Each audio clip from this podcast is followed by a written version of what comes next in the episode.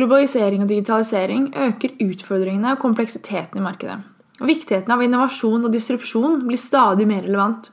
Endringstakten i bedrifter må økes. Men hvordan kan du lage de gode kundeopplevelsene, skape innovasjon og engasjerte ansatte, samtidig som man endrer seg? Hele 75% av nordmenn føler jo lite eller inget engasjement i jobben sin. I en undersøkelse fra Deloitte i 2017 så sier hele 94% at smidighet og samarbeid er kritiske faktorer for at deres organisasjon skal få suksess. Men kun 6 mener selv at de er smidige. Hva innebærer det egentlig å være en smidig organisasjon? Kan alle organisasjoner bli smidige? Dette og mer ønsker vi å diskutere gjennom Smidigpodden. Vi håper på å finne noen av svarene. Jeg heter Ida. Og jeg heter Tobias. Velkommen til Smidigpodden.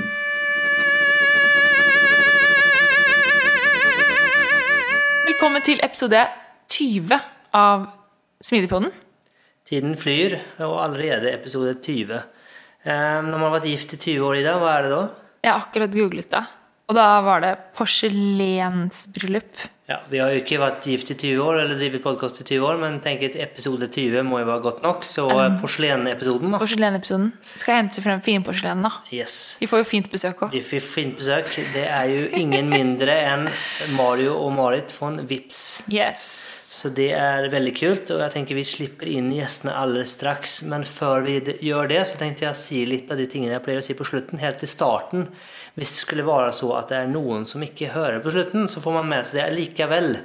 Og det er jo det at vi har ønske om å få gjester. Så ønsker du å være gjest, eller ønsker eller du kanskje kjenner noen som kunne vært gjest, så hør veldig gjerne av dere. Eh, vi setter også så klart pris på all type feedback. Så har dere noe feedback av noe som helst slag, så send det til oss. Og da er det smidigpodden.gmail.com at Smidigpodden på Instagram eller Smidigpodden på LinkedIn er vel kanskje de primære kontaktkildene. Yes. Så. Og ja, jeg tenker vel kanskje at vi eh, hopper, hopper, inn i det. Så vær så god, her kommer Vips.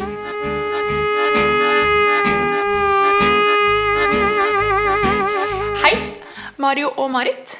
Hei, hei. Veldig Hallo. hyggelig å ha dere på besøk. I stua, faktisk. Ja, i stua, faktisk. Ja, men... Vil dere starte Hva skulle du si, Marit? Jeg sier bare at det er veldig hyggelig å være her. Ja, veldig hyggelig. Vil dere starte med å introdusere dere selv? Det kan jeg gjøre. Skal jeg begynne? Eh, jeg heter Marit Andreassen, eh, og jeg jobber i VIPS. Det har jeg gjort i eh, to år nå. Og i VIPS-sammenheng så er det veldig lenge, så jeg blir på en måte sett på som en sånn senior. Jeg startet i VIPS som en agil coach. Eh, for å fikse litt prosess og sånn. Det var egentlig stillingsbeskrivelsen. Eh, og nå eh, har jeg akkurat fått en ny stilling hvor jeg også er Head of Product Engineering. Som gjør at jeg nå jobber i teknologi og har personalledelse for fem engineering managers, som igjen har personalledelse for våre utviklere. Eh, og det som er spesielt med våre utviklere, er at de jobber i det vi kaller produktteam. Eh, men jeg jobber fortsatt som en agil coach og strever etter å eh, hele tiden endre oss, sånn at vi kan jobbe smartere og bedre. Så det var litt om meg. Ja, mitt navn er Mario Ek Aparicio. Ehm, jeg jobber da som produktsjef i eh, VIPS, eh, og er også leder et av områdene, eller domenene våre. da. Eh, jeg har ikke jobba like lenge i VIPS. Jeg har jobba litt over et år. kan du si, Eller starta vel i april i fjor, så det er sånn semidinosaur. Ikke akkurat samme som Marit. Ja. Ehm, men ehm, ellers litt om meg, så kommer jeg fra konsulentbransjen. Jeg er 13 år i konsulentbransjen før jeg begynte i VIPS. Første, det var første faste ansettelse. Eh, og har jo gjort litt av hvert før jeg begynte i VIPS. da i VIP så starta jeg egentlig sammen med Marit som agile coach. Og var da coach for uh, en rekke utviklingsteam i VIPS. Uh, og så mer, mer eller mindre tilfeldighet så ble jeg produktsjef, og har vært det siden da. Ja, pluss, pluss at du har også fått en ny stilling, da. Ja, eh, det, ja, eh, leder egentlig området da også. Har ansvaret for det området. Forretningsområdet, eller hva skal vi kalle det for? Domene? Ja, eller ja, område, i mangel på noe godt uh... Vips på nett heter det. Vips på nett. Ja. Mm. Det, hva er det at, det er at man kan betale på nett med Vips? Ja, men det inkluderer også login med VIPS. Eh, Så det er på en måte netthandel. uh, Og så har vi login, for det er på en måte vår på nett-tilstedeværelse, kan du si da. Så det er jo et veldig stort område. Eh, Vi har jo enormt mange altså kunder, altså dvs. Si brukersteder. Og så har vi Hvor mange utviklere har vi da? Vi har vel eh, tre team. Eh, to relativt store team og ett lite team. Så vi er vel sånn, og nå husker jeg ikke det, 15 utviklere eller noe sånt? til sammen. Ja, ish. Kan stemme det. Ja, det kan nok vel stemme, sånn cirka. er det Klarna, da, som er liksom en av de største konkurrentene på det området? Eller Ja, altså, det ja, det kommer helt an på, for vi er jo veldig store på, på kollektiv, da. Altså betale for å, for å reise med Ruter, da. Altså Ruter og Entur er jo veldig store. Det bruker jeg hele tiden. Ja, ja, ja. ja. ja nei, det er jo super, superbra. Og, og når du er på fart og betaler med VIPS, er jo det området når, eh, kanskje der vi har det sterkeste verdiforslaget. Mens på varehandel på nett så har du jo Klarna som en stor konkurrent av oss. da. Men det er jo selvfølgelig et helt annet område, og mye vanskeligere å konkurrere i det enn for oss. da, fordi at eh, da er det jo mye mer eh, andre typer betalingsmåter. Du betaler med kreditt og betaler med faktura og alt mulig sånne ting. Mens når du er og skal reise og kjøpe en, en kollektivbillett, så, så er det liksom speed. Altså Det skal gå fort, og det skal være smooth og det skal være sømløst. Og vi fikk jo faktisk en eh, sånn pris eh, på en sånn, en sånn europeisk eh, konferanse som heter Mobile Payment Ecosystem.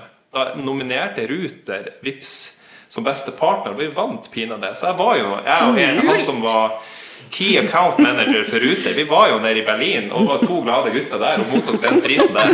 Det var jo utrolig artig, da. Og det var jo veldig kult at Ruter ville nominere oss for den, da. Men de skrev jo en sånn, eh, ja, en sånn nominasjon som var utrolig flott, og vi fikk jo veldig gode eh, skussmål. Og jeg vil jo si at det er mm, ganske fortjent, for det, det fokuset vi har hatt på samarbeidet med Ruter, har vært eh, eh, det har vært veldig bra samarbeid, og vi har kanaler med deres utviklere til stede og våre utviklere til stede, hvor vi samarbeider på liksom, dag til dag. Da. Så det som er litt kult, er at eh, hvis du installerer den der eh, Ruter-appen eh, og ikke har lagt inn noe kort, så når du starter appen første gangen, så sniffer han på telefonen om du har Vipps installert. Og hvis du har det, så blir det default folk betalingsvalget. Så Det visste ikke jeg engang, men eh, det, det er veldig kult, da. Så, eh, nei, altså det, ja, det var litt om eh, det, det jeg driver med da, sånn til vanlig. Mm. så har jo vi vært borti i hverandre en gang. Du har jo vært inne hos Riks-TV et år, et og et halvt kanskje? Var det så lenge? Ja, nei, det var vel kanskje sånn tre kvart år eller noe Ja, okay, sånt. da. Ja, det var vel, Jeg måtte jo regne meg tilbake her. Det var vel 2016-2017, hvis jeg kan huske riktig. Da var jeg jo først eh, agile coach for eh, plattformteamet der. Og eh, det var jo en fantastisk flott opplevelse. Det var jo et av de stedene jeg har vært hvor det har vært mest fokus på type agile-prosesser. da. Og Og var ekstremt inspirerende og eh, veldig lærerikt. Og mye, tok med meg veldig mye fra den tida der, da, for å si det sånn. Så, eh, men, men før det så har jeg jobbet faktisk veldig mye med, med arkitektur og veldig mye med, med, med teknologi og en del med innovasjonsprosesser. Så det er en sånn der eh, maks potet, kan du si. Så det mm. Spennende. Men uh, Marit, du toucha så vidt inn på det. Plattformteam nevnte du. Plattformteam? Nei. Nei, det var jeg Det var jeg som Mario sa som Det akkurat sa det. som akkurat sa det. For jeg var agile-kort for plattformteam. Ja, Riks-TV. Ja, sorry, nå er det jeg som surrer. Uh, Det jeg tenkte på, var uh, hvordan endringer dere har gjort de siste årene. På grunn av skalering og teamene deres og Ja, for når jeg begynte for to år siden, så så vi jo veldig annerledes ut. Eh, Vi har eh, i løpet av de to årene hatt en eh, fusjon med Bankaksept og BankID. Og i tillegg så har vi fått flere ansatte, så vi har skalert veldig mye. Så jeg begynte, kan du si, den gamle Det vi kjenner som Vipps eh, Wallet, da, det oransje, den oransje appen som du har på telefonen din. Um, og da var vi vel sånn rundt 55 stykker. Eh, og nå er vi 350. Så det er klart at eh, Wow. eh, det som funker for 50 stykker, funker ikke like godt for 350. Så, eh, og det gjelder jo på en måte veldig mange prosesser. Og det er på to år. Det er på to år. Så alt fra liksom eh, altså informasjonsflyt, rekrutteringsprosesser, eh, prioritering, eh, synlighet, hvem er hvem. Så det er, det er ganske mye da, som må jobbes med hele tiden. Eh, så eh, jeg har jo hatt mest fokus på der hvor vi har jobbet med utvikling eh, av produktene. Som på en måte er hovedsakelig eh, utviklere og teknologi og produktsjefer og eh, UX. Det er på en måte det området jeg har jobbet mest innenfor. Vi kaller det for produktutvikling. Men eh, vi, eh, eh, sånn som Mario her, jobber jo i et område hvor de har veldig godt samarbeid med andre deler av Vipps igjen også, som salg og marked f.eks. Så Ja, det, det er jo kjempeviktig for å kunne oppnå målene våre, så at eh, vi får eh, støtte fra salg og partner og osv.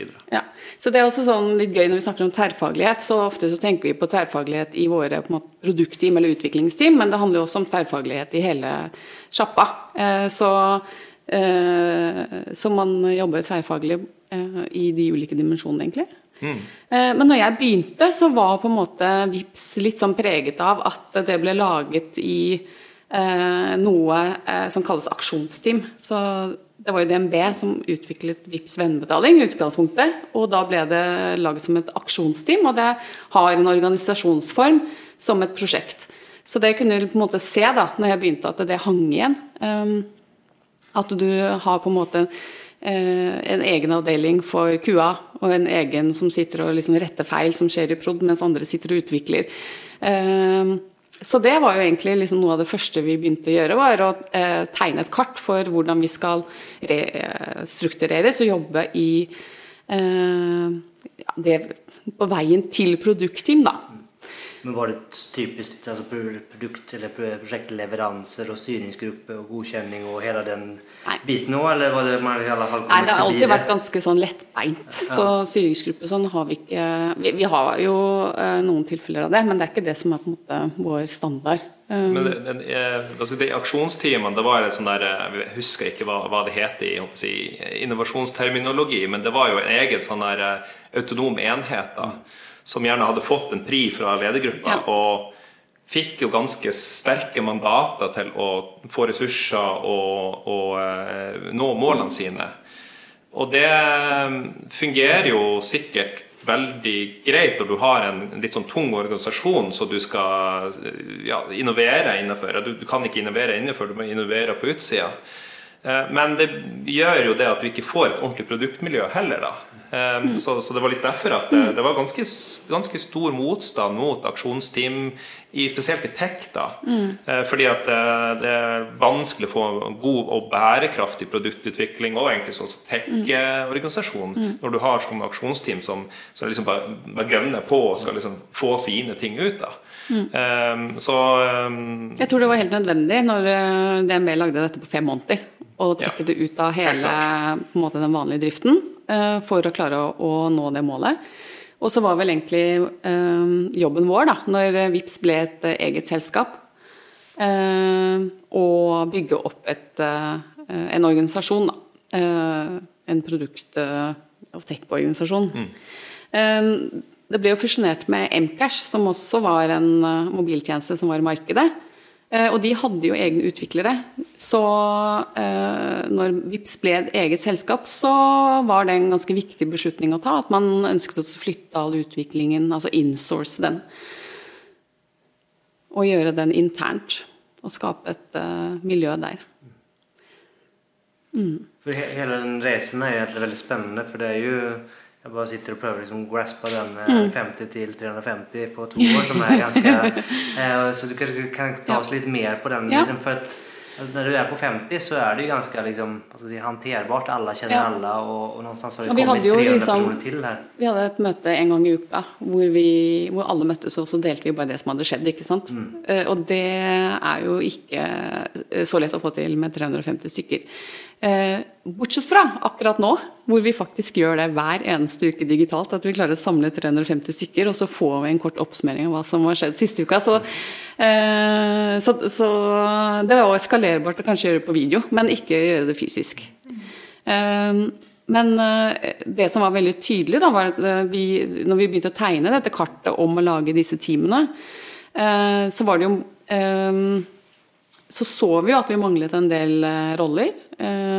Vi så at vi manglet folk på UX for å fylle opp i teamene. Vi så at vi manglet produktsjefer. Så vi startet også å ansette det. I tillegg så så var det sånn at vi altså regelrett gikk og på en måte dunket folk på ryggen og sa at eh, du eh, jobber nå i dette teamet, og det eh, han eller hun er produktsjefen din fremover. Eh, og så lagde vi også et sånn kart over eh, altså Fant eierskap da, til eh, applikasjoner og kode og, så langt det lot seg gjøre. Og, og, ga teamene ulike ansvar, da. Så det var sånn det startet egentlig. Også det at, å flytte folk som jobber med de samme tingene sammen. Så det bar veldig sånn preg av at det var en ressurspool eh, hvor folk satt med litt sånn egne backlogger, og hadde du jobbet med én ting, så kom du på en måte aldri ut av det, fordi du alltid fikk forespørsel om å forbedre det og forbedre det. Så, så det var helt nødvendig å, å gjøre den endringen. Um, så, så, det var liksom det første skrittet. Uh, og så så du at dette satte seg egentlig ganske godt og ganske fort. Uh, og det var veldig skalerbart. Så det var jo sånn at det ble veldig mange team. Så jeg husker jeg var på konferanse, eh, og så ringer en, eh, en av mine kolleger Har du hørt at han og han har begynt i et nytt team som vi aldri hadde hørt om. og Da var vi borte én dag, og så har det kommet opp et nytt team og en helt ny struktur når jeg kommer tilbake på jobbdagen etter. Så det, var, eh, så det tok litt sånn av, og man følte at man mistet litt sånn kontroll på hvor bor disse teamene, har de tilhørighet, og hva skal de gjøre og sånn. Så, så det var neste skritt egentlig liksom det her med å eh, clustre litt sammen. Sånn at de teamene som var innenfor samme område, da, eller forretningsområde Ja, da var det jo forretningsområde. Ja, da, det var da vi lagde noe vi kalte forretningsområder. sånn at disse teamene her eh, jobber jo innenfor samme domene, så vi plasserer de under eh, kan du si, samme ledelse da. Ja. Men når de sier forretningsområde her, så er det typisk privatkunder versus eh, bedrifter, eller hva, hva, er det man legger ja, i eh, vi hadde jo da Da var det også en, en direktør i ledergruppa som representerte den forretningsområdet, og da hadde jo eh, Vips på nett var faktisk Så det var egentlig mer eh, domene sånn at Vips på nett Eh, ikke sant? Og dere jobber jo med på en måte både eh, kundefront og merchant. Ja. Og så hadde vi butikkbetaling var ett område, så var ID var vel et annet område. Jeg husker ikke nøyaktig. Ja. Men de var representert av direktører. Så var det ikke nødvendigvis én til én. Det var jo eh, direktør for Vips på nett hadde også ansvaret for et annet område også. Eh, så det var ikke én til én, men det var i hvert fall representert i ledergruppa. Mm. disse. Uh, og det var jo egentlig et, eh, et, godt steg fremover, akkurat det, for å på en måte få litt, ja, ja. litt mer sånn men, orden. Var, var, men var, nå kanskje vi går litt off tema, men var ledergruppen strukturert på, på, kun på den måten, eller var det en måte to todimensjonal at du hadde mot en CTO i tillegg og en, en markedsdirektør, eller var det liksom Ja, det stemmer. Så da hadde vi da, På det tidspunktet så var det jo én direktør for eh, ID-området, og han hadde vel også in store, altså in butikkbetaling. Og så var det VIPS på nett og regninger. Eh, og så var det produktdirektør, teknologidirektør, finans, internasjonal, marked og administrerende. Mm. Så relativt stor ledergruppe, andre. Ja. Så den har blitt litt mindre nå, da. Hvordan, hvordan ser det ut nå? Nå, ja, nå har du administrerende Finans eh, og strategi. Jeg tenker på ledergruppa, eller? Ja, det var det du ja. ja. ja. Mm. Og så har de kommersiell direktør, eh, og så er det internasjonal, og så er det marked, eh, produkt, mm. teknologi. Så ja, det som er bra med vår ledergruppe, er jo at den, det er veldig mange Eller høy andel eh, kvinner. Veldig høy andel mm. kvinner, ja. Kult. Ja. Og da har vi jo Berit Svendsen også, som er en veldig kul dame. Så, det, mm. Mm, så det som vi kunne på en måte øh, Den gangen så var det jo litt sånn at vi så på et, at et team er et team.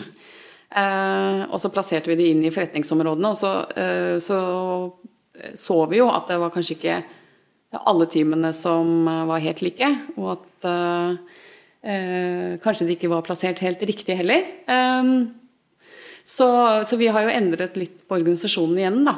Eh, men den, etter det. Men den gangen var teamene relativt statiske, eller det var som at det oppsto nye team, så det var ikke det likevel?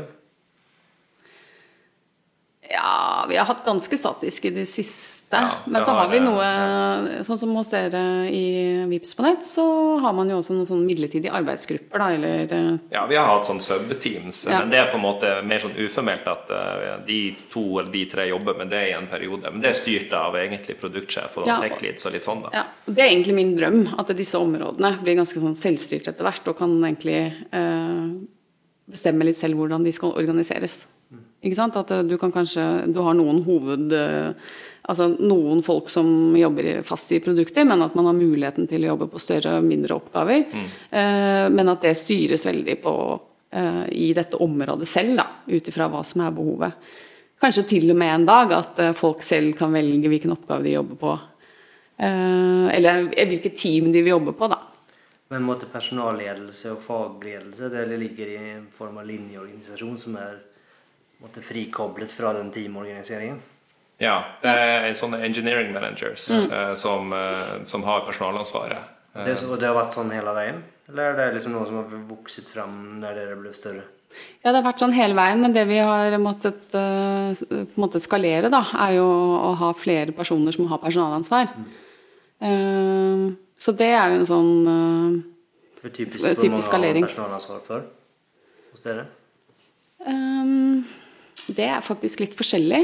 Eh, jeg syns eh, fortsatt at det er litt mange.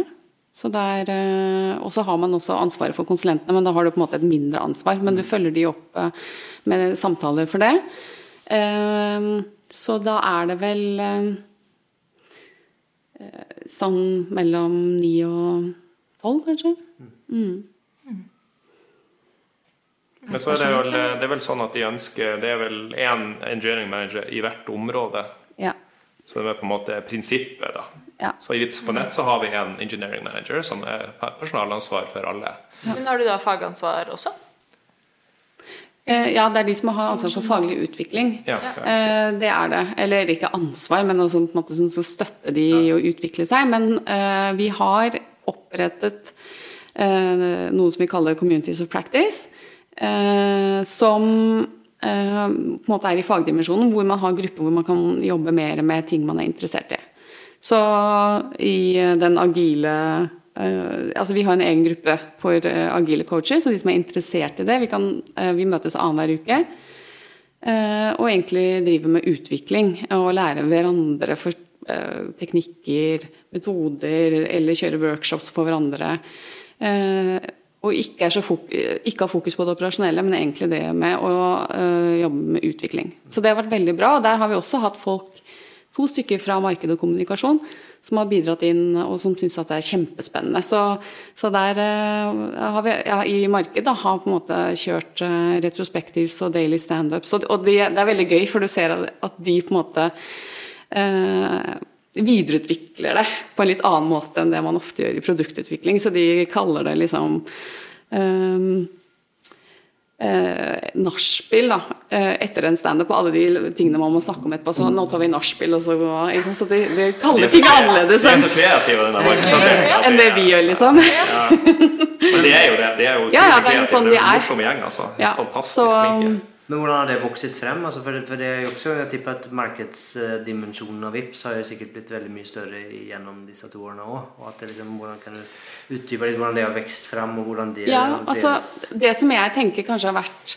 når, eh, du er veldig Når du er liten, eh, så har man gjerne liksom sin rolle og sine oppgaver. Og så tenker jeg at noe av det vi på en måte har jobbet mye med i mange aksjer, det er egentlig å gå fra det individuelle til å jobbe sammen som et team. Ikke sant? Fordi når du jobber alene, så er det raskt å ta beslutninger, og ting går fort. Og man, det er også lett å kommunisere når man er få. Men når man blir større, så må vi jobbe mer på tvers. Eh, og, og, og dele det, og forstå eh, mer av altså, det, Hjelpe hverandre og, og forstå mer av hva de andre driver med. Så istedenfor å ha sånn at alle i ett team jobber med hver forskjellig ting, at flere kan på en måte øh, jobbe på én oppgave sammen. Og det gjelder jo det samme for markedsavdelingen også. At, Men har, det kommet, altså, har de tatt det til seg naturlig, eller har det liksom, hvordan har liksom Ja. Fordi jeg kan tenke meg at de kanskje ikke nødvendigvis hatt så mye erfaring av det Nei, de nei, det var egentlig Det gikk også litt på at vi, det var øh, Altså at det er personer i marked som er øh, nysgjerrig på måten vi jobber. Så de har på en måte blitt inkludert og involvert i det, i det vi gjør, og tar det med tilbake til sitt team, da. Jeg oppfatter jo at markedsavdeling har veldig gode prosesser, de også. De er kanskje noen av de i VIP som er flinkest på målstyring. Absolutt. De er helt rå på målstyring. Så altså, De jobber veldig strukturert. og inntrykk, jeg, kjenner ikke sånn helt nøyaktig hvordan de jobber dag til dag, men de har tatt en del gode, smidige prinsipper. og De bruker tavle og tavlemøte og sånn. Eh, Så, så de er, det er jo ganske bra, bra organisasjon mm. der, altså. Men det har de drevet selv, på en måte, det har kommet innifra? Det har ikke fått Det har vi drevet helt selv. Mm. Så Men øh, ja, så det er, det er kjempebra. Mm. Jeg syns det er viktig å nevne det at eh, altså varemerket, altså merkenavnet Vips er jo en av de viktigste assetene våre. sånn at en, en velfungerende markedsavdeling er ekstremt viktig for oss. da. Eh, og eh, altså Derfor er det gøy og det er utrolig gøy å jobbe med en sånn kreativ gjeng som de. De finner på så utrolig mye rart at det, det, det er så morsomt når de hadde sånn her eh, Lyden av Vips, da. Så har de fått en komponist til å lage en, en, en Vips-sang, da, eller Vips-melodi, da. Som du hører bitte, bitte, bitte litt av i, i appen, men som Ja. de bruker, da. Og det, ja, det, de gjør veldig masse artig. Og det, jeg syns det er ganske inspirerende, det, for det er sånn det er litt sånn, hva skal jeg si, krydder i hverdagen, det de finner på, og så vet jeg at det, det utvikler brandet vårt. For at det er, sånn, det er så konsumerbrand, så Vipps er så konsumerorientert. At du er nødt til å være til stede i uh, sosiale, sosiale medier og alt mulig for å, for å, få, for å bli hørt. Da. Og det syns jeg de eh, takler veldig bra. Så kan vi kanskje bli bedre med å synkronisere produktutviklinga sammen med, med dem, sånn at eh, deres kampanjer sånn, stemmer mer med hvordan vi planlegger produktutviklinga. Da. Men ja. det tror jeg vi får til. da. Det som jeg også syns er unikt, er at det er markedsavdelingen som på en måte eier eh, kontakt med kundesenteret. Eh, og der jobber vi også ekstremt mye med feedback, eh, kundefeedback. Så, så der har vi et, også veldig godt samarbeid eh, med eh, marked og kundesenter og produktsjefene i å på en måte eh, jobbe med kundedata og ta det tilbake og faktisk endre de eh, tingene som smerter mest. da. Så der har man jo klare lister over topp fem feil, og så jobber man eh, med å, å fjerne de. Så eh, vi har eh, markedsavdelingen den har en sånn workshop da, på kundesenteret annenhver uke. Tavlemøte. Tavlemøte, ja. På kundesenteret annenhver uke for å på en måte eh, sortere feedback og, ja, og jobbe med forbedringer der. Mm, Det er en eh, veldig viktig innsiktskilde til eh, de som jobber med appen vår, da. spesielt. Men også Mm. Ja, og de som jobber med bedriftsportal og sånn. bedriftsportalen. Mm. For hvordan er det måtte, si, skrudd sammen eller satt sammen? Du har liksom produktutviklingen og kundesenter, marked. det, for det, det, er ikke noe, det er ikke et team sammen, men de har måtte, noen kontaktpunkter og utbytte. Altså, er, det, er det styrt og strukturert, eller skjer det mer liksom Ja, det er en, og- en person på, i markedsavdelingen som på en måte har, eier den eh, eh, kontakten med kundesenteret og det samarbeidet inn mot produktsjefene. egentlig. Men vi har jo også i eh, Vips på nettet, området mitt, der har vi jo en egen slags ledergruppe. Og der har vi jo faktisk egentlig to fra markedet, men ene eh, jobber med markedet, og andre jobber med distribusjon. da.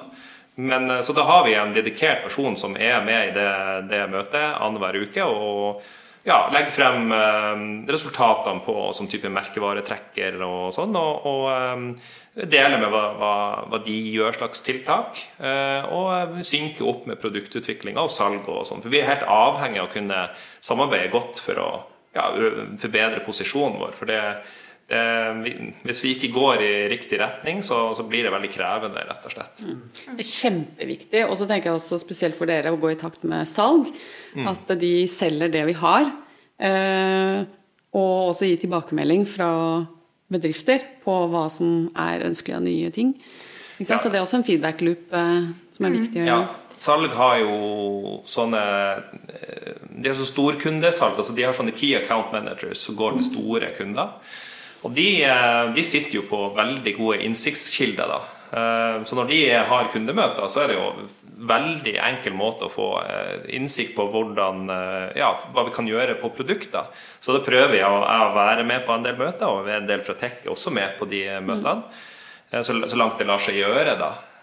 Og de er jo superflinke, den gjengen der. De er liksom virkelig ikke sånne der car salesmans. De er veldig flinke. Eh, De, de er veldig, ja, nei, nei, de er ikke, de er ikke used car salesmans i det hele tatt. Så de, eh, og de, er veldig, eh, de har veldig respekt for eh, hva skal jeg si, våre ønsker fra produktet. At vi ikke skal selge skreddersøm, f.eks. Vi skal selge de bærene vi har, eh, og, og ta oss med i de prosessene der det er kanskje litt mer krevende kunder som, som, som Kanskje det ikke, hvor det ikke er så enkle caser som skal løses, hvor vi kanskje må gjøre noen små justeringer, eller at vi må finne ut kreative måter å bruke produktene våre på. Da. Så det samarbeidet går utrolig bra. Så samarbeid med leder for disse storkundesalg, altså Key Account Managers, er en av de viktigste samarbeidspartnerne mine.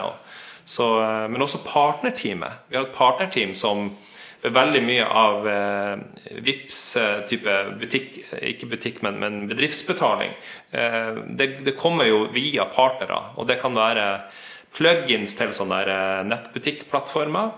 Og det kan være et CRM-system for en ideell organisasjon som skal ta VIPs. Og de er partnere av oss, da. Så det partnerteamet de koordinerer med de partnerne. Og det er jo en veldig fin kilde for distribusjon for oss å få, få VIPs-knappen tilgjengelig på veldig mange steder. Da. Så da han som leder det teamet der, er også en veldig eh, viktig samarbeidspartner for, eh, for jeg som jobber i produkt. Ja, jeg, jeg syns jo at uh, i deres område har man kommet veldig langt da, med å, å jobbe med tverrfaglig samarbeid. Uh, og også å lage en felles strategi ikke sant? på Ja, for det, det jeg sitter og tenker på, det må jo, det, her, det, det må jo være noen felles mål noen felles prosesser, noe for å trekke i den retningen. Så det må jeg jobbe ganske aktivt med det, så det tenker jeg er veldig spennende å gå litt i dybden på. Ja, vi eh, har jo laga en strategi sammen, eh, den der eh, gruppa. Og eh, det er jo en sånn ja, Vi kaller det for bowlingpin-strategi, der vi har eh, bestemt oss for at vi skal fokusere på, eh, enk- på mer eh, utvalgte eh, markedssegmenter hvor vi skal produktutvikle mot. da. Så liksom, Grunnregelen er at eh, salg får lov til å selge det vi har. Selge de bærene vi har, og de får lov til å gå egentlig hvor som helst. Eh, Men de får ikke lov til å eh, love bort noe skreddersøm eller noen ting. Men på produkt så skal vi fokusere på gitte markedssegmenter. Det kan f.eks. være digitale medier. Er et eksempel. Og Det betyr det at vi har fokus på det i produkt, og vi har fokus på det på, på distribusjon og, og liksom bygge det segmentet. Eh, Og Da må alle være enige om at det er det vi skal fokusere på. Og eh, Kanskje styrken vår der er at vi har forankra dette veldig godt i, i ledelsen. Sånn at når vi har, når vi har en tydelig strategi på hva vi skal gjøre, så, så føler vi at det er veldig sjelden at det kommer sånn veldig klare marsjordrer fra ledelsen om at vi skal gjøre noe annet enn det vi har lagt i strategien. da. Og så blir jo det veldig mye enklere målstyring, da, for vi kan jo sette mål på i det segmentet skal vi jo ha oppnådd disse resultatene i løpet av året, f.eks. Det går jo på tvers av produkt og partner og salg. For at det er helt umulig for, eh, for eh, oss i produkt å klare det alene. Vi er nødt til å få VIPS ut i verden. ikke sant? Så, så, um, så da er det veldig mye lettere for oss å synke oss når vi kan ha felles målstyring. Da. Jeg tror det er kjempeviktig. Altså, et godt eksempel på hvordan dere klarer å gå i, i takt. Eh, på tvers. Mm, ja. Så vi har jo eh, Mye av de kommersielle målene vi har, da, det er jo også veldig greit å kunne styre etter det sammen. For at eh, salg og om, omsetning og og for også antall brukere vi har, og retention de tingene der, det er jo veldig lett å kunne trekke sammen med de andre. Det er ikke så produktspesifikt, kan du si. Men det sier jo likevel veldig mye om eh, både utbredelsen til produktet og hvor godt likt produktet er.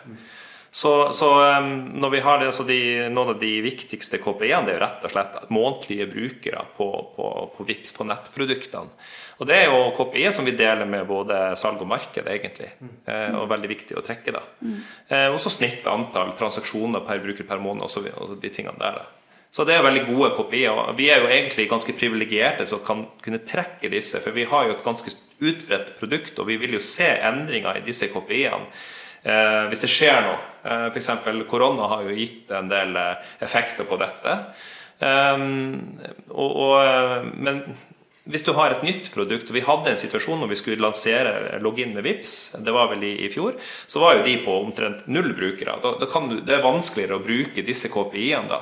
Mm. Og, og så når det er et type produkt som egentlig er gratis, så, du, så er det ikke så lett å snakke omsetning heller. da. Så det var mye mer krevende. Mm, Men når vi har kommet opp i en situasjon der vi har produkter med mange brukere som kjører, så er det mye lettere å trekke Mm. de tingene der. da. Så, eh, men, vi, men vi har også en del mer sånn produktkvalitets-KPI-er også som vi trekker. Men det, det går mye mer nærmere på produktet og liksom i dag til dag hvor, eh, hvordan eh, fungerer produktet vårt og sånn. da. Mm. Dere har jo et sånn team Eller altså eh, Vips på nett er et type område som har team som vi kaller produktteam. Som er det vi, vi prøver på Målbildet er å skape et sånn streamaligned eh, team.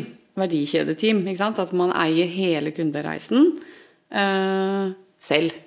Uten veldig mange avhengigheter. Mm. Så det er på en måte målbildet, ikke sant? Ja. Eh, Så det er jo eh, den siste omorganiseringen som vi har hatt. Da, så har vi på en måte prøvd å følge eh, en struktur hvor, eh, hvor vi da eh, setter mål i disse verdikjedeteamene. Og så har vi eh, eh, områder som skal hjelpe disse teamene i å nå disse målene. Og da har du på en måte et område som eh, vi kaller for plattform og enabling services, eller fellestjenester, eh, som da skal levere på samme type mål som, som dere skal støtte de streamline-teamene. Og noe av det handler jo også om da å, å, å fjerne avhengigheter, da. Eh, Vi har vel oppnådd det relativt greit, eh, men eh, der er jo det egentlig det som er krevende, de teamene som ikke er Streamalime Teams, da, og for målstyringa deres, da. Det er jo det, de tingene som jeg ser Tror jeg kanskje vi eh, altså Vi sliter jo ikke med det, de sliter jo heller med det. Så vi har et eget payments-team, da. Og de eh, Siden de ikke har eh, samme mål som oss, for de kan jo ikke ha et kommersielt mål på, på antall eh, på omsetning og sånn, da. Så blir jo det litt eh, mer eh, Da må det mye mer sånn rene produkt-KPI-er, da. Og det kan være ganske vanskelig. Og, og jeg hadde en del samtaler med produktsjef for Payments, og de har, de har hatt det mye mer krevende der, da. Så, men så har vi jo eh, Vi har jo et eget team som jobber med appen vår, da. Men da har vi jo fått dedikerte ressurser til VIPS på nettområdet, som uh, vi kan styre prioriteten på. Uh, og det har jo fungert veldig bra, da. Så uh, Ja, altså så I den siste kan du si, når vi gikk Vi hadde forretningsområder, og så har vi gått over til en litt annen struktur. Egentlig litt færre forretningsområder. Men da har vi typisk plassert verdikjedeteamene øverst, ikke sant? og de setter på en måte eh, de kommersielle målene. Og så har vi eh, de teamene som er eh, typisk ja, plattform, enabling teams, eller de som har en spesiell funksjon, f.eks. Logge inn i VIPS eller ja, sånn komplisert subsystem, i egne områder, da. Mm. så dette testet eller denne endringen gjorde vi rett før korona inntraff, da, en uke før ca. Sånn at eh, det, er jo ikke så veld, det er faktisk ikke så lenge siden, så det er vanskelig å si effekten av dette. Men uh, jeg syns i hvert fall at det er veldig sånn uh, mye ryddigere uh, organisasjonskart, og det er mye enklere å se eh, hvordan vi skal kunne jobbe eh, mer i samme retning, da. For du er veldig tydelig på at de støtter de andre teamene. Så de har sånn sett ikke en egen prioritering, på en måte. Eh, De vil ha egen prioritering, og så må de også levere på andres mål, da. Ikke sant? Så eh, Og så er det jo sånn at eh, vi har noen pos posisjoner som er viktigere enn andre, og da skal jo også andre følge det. Sånn at eh, området til Mario her, Vipsene, Vips, Vips på nett, er eh, noe som prioriteres foran noe annet, f.eks. Og da skal disse teamene også følge den prioriteringen. Så, så dette blir jo veldig spennende når vi får testet ut litt lenger, da. Um, Mm, ja, det blir veldig spennende. Og det, men det er jo, vi har jobba litt etter det prinsippet en stund, da. Eh, Selv om at Ja da. det, kanskje det offisielle og formelle kom på plass rett før korona, så har jo vel, eh, vel plattformteamet har jo det har jo skjønt at de er et enabling team ganske lenge. da. Eh, Og de, Det handler om developer experience. ikke sant? De skal lage, de skal lage verktøyene som gjør at eh, teamene, produktteamene blir eh, raskere, rett og slett.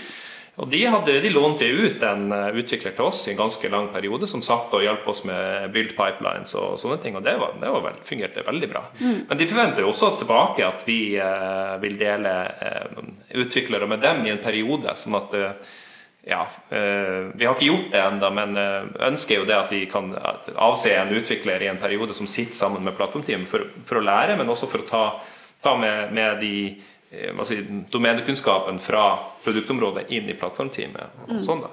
Så, så det syns jeg er en ganske, ja. et ganske interessant og spennende prinsipp. da. Ja, hvordan tenker dere når dere setter opp disse teamene? Nei, altså Det som eh, var interessant, var egentlig når vi bestemte oss for å eh, gjøre noen endringer, så gikk vi inn i hvert team. Eh, og så hadde en samtale eller workshop og snakket litt om hva er deres typiske jobber. Hva er det dere gjør i deres team? Og at de også skulle måte plassere seg selv da, inn i en av de, disse kategoriene. Eh, og for noen var det veldig enkelt, mens for andre så var det litt sånn eh, Tror jeg, da. En litt sånn aha-opplevelse. Og eh, hadde kanskje litt for mange roller, eller innså at eh, vi, kanskje, vi gjør kanskje ting som eh, er en del av jobben vår, men som vi anser som støy i dag. Eh, så vi har omrokert noen av teamene litt i forhold til hvor de var. Og jeg håper jo da at det kan være med å eh, modne litt sant, i forhold til eh, Sånn som eh, et enabling team da, må sette av tid til å støtte andre. Det er faktisk en del av jobben. Ikke, de, de må ikke bruke all tiden sin på egne mål og oppgaver. Da vil de på en måte anse det som støy da, å bli interrupta i, i, i deres arbeid. Så det tenker jeg er ganske sånn viktig, da, bevisstgjøring.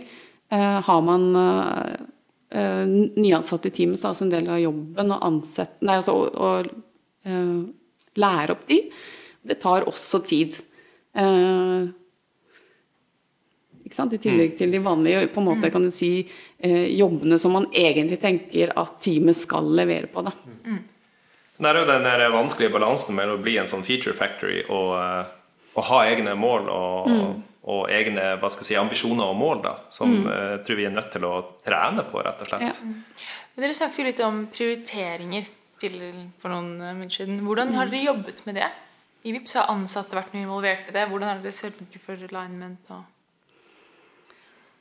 Ja. um, du kan si at eh, en av de Vi har jo mange feedback-loops fra uh, organisasjonen på hva som eh, smerter. Og prioriteringer er jo en av de områdene som folk syns smerter. Fordi Det er kanskje fordi vi ikke er veldig gode på det ennå. Ikke sant? Eh, og vi håper jo at vi med å innføre målstyring, at vi skal bli gode på målstyring, så vil prioriteringen komme av seg selv. Eh, Så det tror jeg nok vil eh, oppleves litt forskjellig fra hvor du sitter. Så de som på en måte sitter f.eks. i Vips på nett, som har god målstyring, vil kanskje føle det annerledes enn en de som sitter i app-teamet, som eh, mange leverer eh, på en måte via og gjennom. Um, så så en av de tingene da, som uh, vi prøver å få til nå, for å på en måte gjøre det enklere å prioritere og eh, synliggjøre mer av det som skjer på tvers, det er at vi nå eh, har satt på et sånn samarbeidsfora egentlig, mellom, eh, med disse områdelederne eh, og eh, CTO og eh, produktdirektør eh, i et fora da, som, hvor, måte, eh, som skal eie den prioriteringen. Så eh, der må man ta opp sånn issue. Nå vet vi ikke hvordan vi skal prioritere, f.eks. Er det denne her eller den som er viktigst? Eh, det, Ja. så, Puff, så det heter. Så fint. også i mangel av et godt navn. Ja, jeg navn. liker Puff, altså. Puff er fint. Så, Ja, nei, så, så jeg vil si at um, vi er ikke sånn uh, vi, er ikke, vi, kan ikke skryte på oss og si at vi er veldig gode på det. Dette er noe vi må bli bedre på. Uh, og så har vi satt i gang et tiltak som jeg håper kan, kan hjelpe oss litt på veien, da. Mm. Men vi har jo en uh, ledergruppe som prioriterer posisjoner på sånn mer sånn strategisk ja, ja. nivå. da. Ja. Og ja, det, det, kan jo vel være det at vi, spri, vi, vi spriker litt mye, at, litt, at, vi prøver å gape over litt for mye. Men egentlig så er i hvert fall de posisjonsmålene fra, fra ledelsen eh, relativt lette å forholde seg til, for de sier litt mer sånn oppdrag. da. Mm. Eh, men eh, det å bryte det ned i eh, disse domenene, områdene og produktteamene, som har vært ekstremt krevende. Mm. Eh, men jeg tror det, for oss på Vips på nett så har vi jo lagt den strategien hvor vi fokuserer på eh, eh markedssegmenter. Det har jo hjulpet mm. veldig. Ja. Det gjør det mye enklere for oss å prioritere. Og, altså, jeg mener jo det at en, en god målstyring, som, du, som, Marit sier, at som god målstyring så kommer prioriteringa av seg sjøl. Mm. Men hvis ikke du har felles mål, så er det likevel veldig vanskelig å prioritere. Mm. Sånn at hvis, eh, La oss si at Ta f.eks. payments-teamet, som vi er veldig avhengige av. Hvis de har veldig forskjellige mål enn oss, så kommer det til å bli ekstremt vanskelig for, eh, for dem, å også prioritere likt. da. Mm. Men hvis vi har felles mål, la oss si at vi hadde noe felles mål på produktkvalitet, eller kanskje compliance, og opp, eh, altså at vi, at vi eh, følger lover og regler, så, så, blir det ganske enkelt. da. Mm. Eh, hvis både mitt, eh, mine team eller mitt område og eh, payments sier at nå er det compliance som er det viktige vi gjør denne høsten, så er det jo veldig greit. da. Mm. Men den overordnede prioriteringen er veldig tydelig fra ledelsen når man er veldig omforent over hvor man skal. Ja, man, man, har en omforent mening om posisjoner, men nødvendigvis rekkefølge på, på hvilken som kommer før, det er kanskje litt vanskeligere. For det blir jo litt sånn der mm. Ja, det blir jo litt sånn der ressursfight, da, rett og slett. Som altså, Ledergruppa setter jo opp um, prioriteringer hvert halvår. Uh, og så har vi tre hovedmål, som er uh, lønnsom vekst uh, og Norges mest spennende arbeidsplass og eh, Norges mest likte merkevare, som på en måte kan du si, hovedpilarer. Også det Marius snakker om, ikke sant? også at vi har posisjoner i markedet som vi ønsker å ta, som er under det. Mm. Og så I tillegg da, så har vi satt noen sånne fokusområder. ikke sant? At dette halvåret skal vi ha fokus på, eh, på dette området, f.eks. Så, eh, så, så, det kan jo eh, Det er jo egentlig veldig tydelig. Og så har vi satt nå et halvt år av gangen, fordi det gjør det faktisk litt lettere. Um, og så tror jeg også at i teamene så tror jeg prioritering er ganske greit. Men så er det den som, midt mellom, da. Mm, mm, ja. Det er der det blir vanskelig. Ja, så den Prioriteringa på toppnivå den styrer jo på en måte ressursene som blir tilgjengelige til de forskjellige områdene. Sånn at hvis du skal skalere opp eller ned på antallet folk, så, så vil jo den styre det. At de prioriterte områdene får mer folk. Men det sier jo ikke så veldig mye om innenfor VIPS på nett hva vi skal prioritere der. ikke sant? Og da er det jo hav av ting vi kan gjøre. Og det er derfor, eh, ja, Før vi hadde den strategien som vi laga sammen med, med, med, salg og marked og, og, og partner og hele den gjengen der, så var det veldig vanskelig. Det var veldig vanskelig å få vite for meg hva, hva skal vi gjøre nå. Men det blir mye tydeligere nå, for nå har vi i hvert fall en, en plan eh, et, et, lite stykke frem. Eh, ikke nødvendigvis et roadmap på hva vi skal bygge, men hvilke områder skal vi søke å, å løse pain points i. Hvis vi sier f.eks. ideelle organisasjoner, så har jo de en rekke pain points vi kan løse, og da er det på en måte å gå etter de og, søke de pain pointsene i de markedssegmentene. Eh, men, men hvis ikke du vet det engang, så er det jo mulighetsrommet er jo et svært univers. da, så Da vet du ikke hvor du skal starte. Men, men når vi kan i hvert fall pinpointe et segment, så blir det litt lettere da, å, å, finne ut hvor vi skal gjøre utforsking og hvor vi skal gjøre produktutvikling. da. Mm. Men Er det målene brutt ned videre ned på team og individ og videre ned, eller stopper det måtte på det overordnede området? Vi har jo eh, mål per eh, produktteam, sånn at hver produktsjef har sine produktmål, kan du si da. Så eh, vi har jo en eh, produktsjef som jobber med, med login, og så, er, så, jobber jeg med, med, netthandel. Og så har vi en produktsjef som jobber med noe som heter faste betalinger, som er en sånn abonnementsløsning. Som, det er jo ganske forskjellige løsninger, har da selvfølgelig veldig forskjellige eh, produkt-KPI-er, fordi at disse tre produktene er også forskjellige deler i livssyklusen til et produkt. da.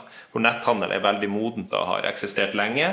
Loggen er litt eh, nyere, og også faste er nyere. Så de vil være, være veldig forskjellige. Men, det skal, men, men samtidig så Ehm, er vi jo synka på at vi skal, vi skal satse på f.eks. ideelle organisasjoner og løse deres pain point sammen med de tre komponentene. da, mm. Så login, eh, abonnementsløsning og, og, betaling på nettet. Mm. Nå begynner tiden å renne litt fra oss. Ja. Så går det når man har det veldig gøy. Ja. Skal vi runde av med de fem siste spørsmålene? Og så får vi heller ta en oppfølgingsepisode med dere litt senere. ja, ja, det kan vi gjøre. Vi elsker å prate. det er bra på podkast. Men hvis vi eh, Er det greit for deg, Tobias? Det er det. Ja. Eh, hvis vi starter, da. Dere kan jo, hvis dere svarer begge to.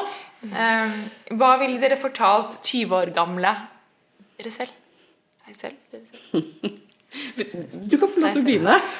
ja, nei um uh, jeg vil vel si at jeg er virkelig en annen person nå enn jeg var for, når jeg var 20, for å si det sånn. Um, kanskje jeg skulle sagt ikke stress så veldig mye. Uh, men uh, ja Nei um, Jeg ville kanskje sagt at bare bare gjør det, som, gjør det som føles riktig, og det du brenner for, da og ikke være så påvirka av alt det andre rundt deg. Det er for så vidt en kommentar til eh, altså, IT-miljøet som er veldig sånn hype-drevet. da. Bare ha litt mer tro på deg sjøl, for ting går veldig i sykluser. Men, men, det er på en måte eh, Hva skal jeg si det, du, du, kommer til å lære deg det, det, du trenger underveis likevel. Da. Så ikke stress så masse med å lære alle mulige slags javascript-rammeverk første året i jobben. Altså. Mm. Ja. Eh, jeg tenker at eh, eh, Når vi først var inne på målstyring, da, f.eks. Så jeg er en person som aldri har satt meg noe sånn veldig tydelig mål på hva jeg skal gjøre, eller hva jeg skal oppnå. Jeg har mer eller mindre grad på en måte tatt de mulighetene som har dukket opp. Sånn at det, jeg har på en måte lagd min egen sti, og så eh, turt å si ja til de mulighetene. Ikke sant? Og så teste ut eh, nye ting og tenke er dette noe for meg. Så jeg har uh, sant, gått fra å være utvikler til å jobbe mer med prosjektledelse, teamledelse. Jeg sitter på kundesiden. Jeg har uh, jobbet som konsulent, jeg har jobbet privat og veldig mye i offentlige bedrifter. også, og nå jobber jeg inhouse. Um, ikke sant? Så jeg syns at det har vært en veldig spennende reise for min del, egentlig, å teste ut og se ting fra litt forskjellige vinkler og i forskjellige roller. da. Så ikke vær så streng eh, med seg selv og, øh, og prøve å, å, nå et mål, men heller la veien øh, ta de mulighetene som kommer, da. Ikke være redd for å si, si ja til deg. Kan jeg si en ting til til min 20 år? Du Mario, du være litt mindre risikovers. ja. Mm. Det er bra. Skal vi ta neste? Kjør. Hva mener dere kjennetegner en god leder? Uh, ja, jeg eh, syns at en god leder skal være en som eh, kan lytte og eh, fjerne hindringer fra i, i, veien for teamet sitt. Eh, det er viktig at det skal være en som på en måte ja, sant, rydder vei, og som uh, muliggjør uh, team eller personer, istedenfor å være den motsatte som sitter og forteller eller kan du si, beordrer folk til å, å, gjøre forskjellige ting. Ja, jeg kan jo si meg helt enig med akkurat det der. Eh, men jeg er også veldig opptatt av kommunikasjon. Ty, altså ledere som er gode på å kommunisere. Eh, liksom sånn inspirerende å fortelle hvor man skal hen. Da ja. Da blir det jo veldig mye lettere for de som, eh, som jobber i teamet, da, å, å skjønne meningen med det man, man driver med. da ja. Så, og så er jeg egentlig veldig enig med, med Marit. da ja. Vi er jo veldig opptatt av måte, gjennomføringskraft, da, og det tenker jeg at ledere skal ha. Ja. ja. Mm. Veldig bra. Neste er eh, Hva ville dere gitt som tips til de som ønsker å etablere en mer smidig kultur? Å, det er så veldig avhengig av hvor du er. Eh, Men det viktigste er jo å på en måte være nysgjerrig på det faget, da, og begynne å, lære kan du si, grunnlaget grunnlag for hva smidig verdi betyr. Ikke sant? Det handler ikke bare om teknikker og hvordan vi skal jobbe, det handler om et mindset. Eh, Og utvikle seg selv innenfor det. Eh, Og så, eh, i hvert fall min metode, handler jo om å så frø, da. Ikke sant? Når du snakker med folk. Aldri fortelle dem hva de skal, men være nysgjerrig og åpen og stille spørsmål, sånn at de kanskje begynner å tenke litt selv. Sånn at du sår et frø på nye måter å jobbe på og en ny Ja, for å spire dette mindsettet, da. Jeg kan eh, si meg enig i det. og Jeg tenker også at eh, eh, altså Hvis en smidig coach eller en, en smidig endringsagent kan også gjerne være sånn stein i skoen, spesielt for ledelsen. uh, fordi at det er et eller annet med at uh, du kan ikke si ting én gang. Du må være litt sånn evangelist og være litt sånn, litt sånn slitsom. For jeg, jeg tror du, du Det er sånn du skaper fokus da, når du får høre ting igjen og igjen. da Um, og så har jeg jo følt meg når jeg har vært uh, agile coach, at jeg har vært litt sånn stein i skoen før teamet. For det er veldig mange team som uh, gjerne skal ja, bare, egentlig bare gjøre det de alltid har gjort. Da. Og, og endringer, det, det gjør vondt. Så da blir du jo per def litt stein i skoen. Men det, det er greit, det, for du trenger jo ikke å være sånn superpopulær hele tida. Men det er viktig at folk stoler på deg. da Sånn at hvis Ja. du skal satse Jeg, jeg har veldig stor tro på å satse på RL-coaches, da som har et dedikert ansvar til å gå inn i ett eller flere team og, og, og hjelpe dem med prosessen sin og være en sånn eh, endringsagent i teamene. da. Eh, for jeg tror det er veldig krevende for eh, ja, Hvis du har produktsjef eller om du kjører prosjekt og prosjektlederne skal være, at de skal på en måte være disse endringsagentene. For det kommer, det kommer til å bli en sidegeskjeft. da.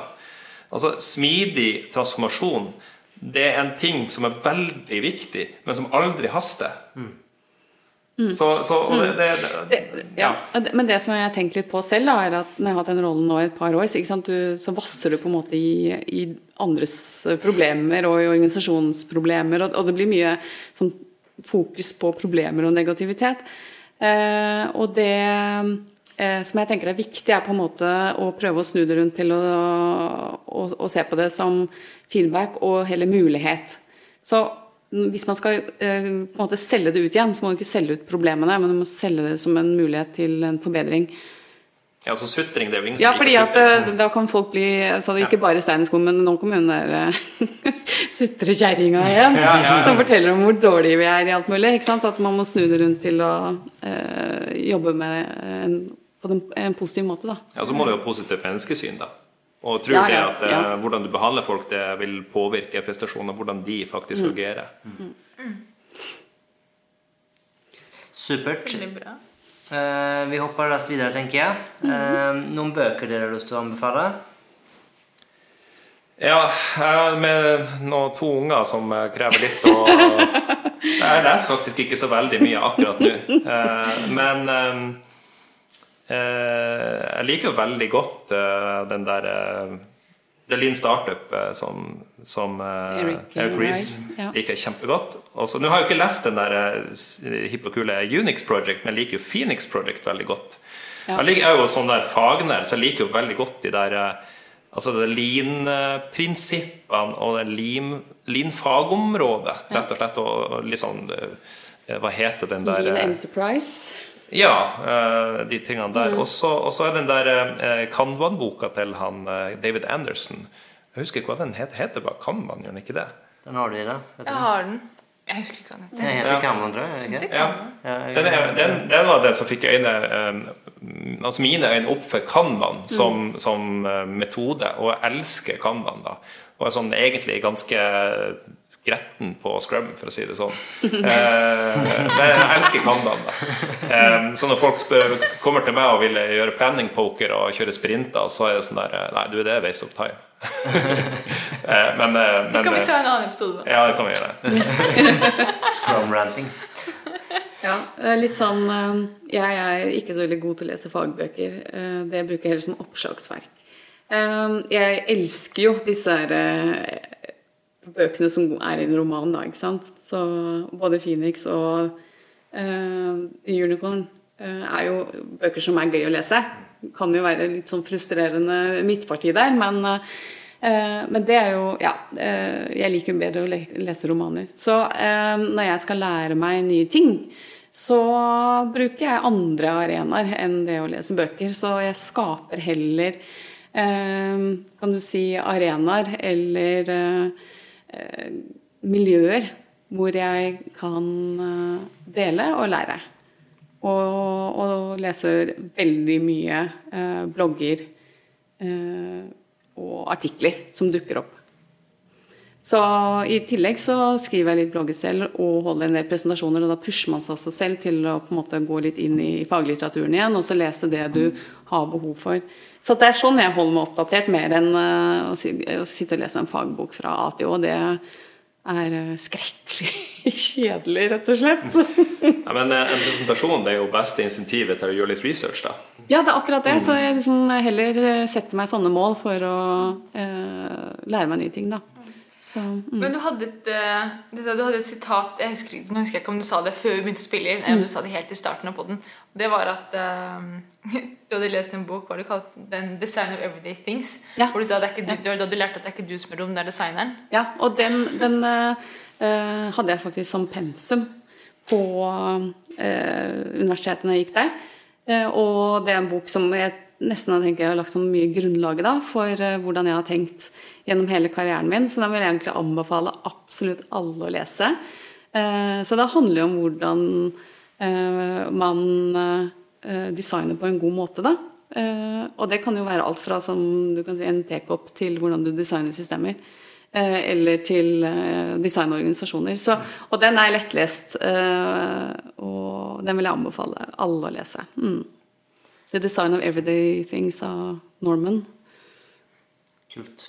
Jeg tenker Du sa snakka om uh, Lean Mario, og du snakka om roman. Så tenker jeg på Heter det The Goal? Heter den ikke det? Har, Jo. det- har det, Den har jeg ikke lest, men eh, den uh, står på lista mi. ja, den har jeg hørt er bra. Mm. Det blir lenge siden jeg leste det nå, men det er jo en morsom, morsom bok. Det er jo samme stuk som Unicorn og Phoenix, men på en eh, Mm. klassisk eh, factory. Jeg har jo også en eh, tegneserie som handler om commitment. Som jeg kjøpte etter en smidig-konferanse. Nå husker jeg ikke hva den eh, forfatteren heter. Men eh, også en veldig gøy måte å, å lese fag på, da. Kan du ikke sende oss eh, navnet på den? Hvis du husker det når du kommer ut, så kan jeg vi den linke den i description. -hmm. Yes. Eh, hvis man ønsker å snakke mer med dere, hvordan kommer man i kontakt med dere? Ja. LinkedIn er greit, ja. LinkedIn. I hvert fall for min del.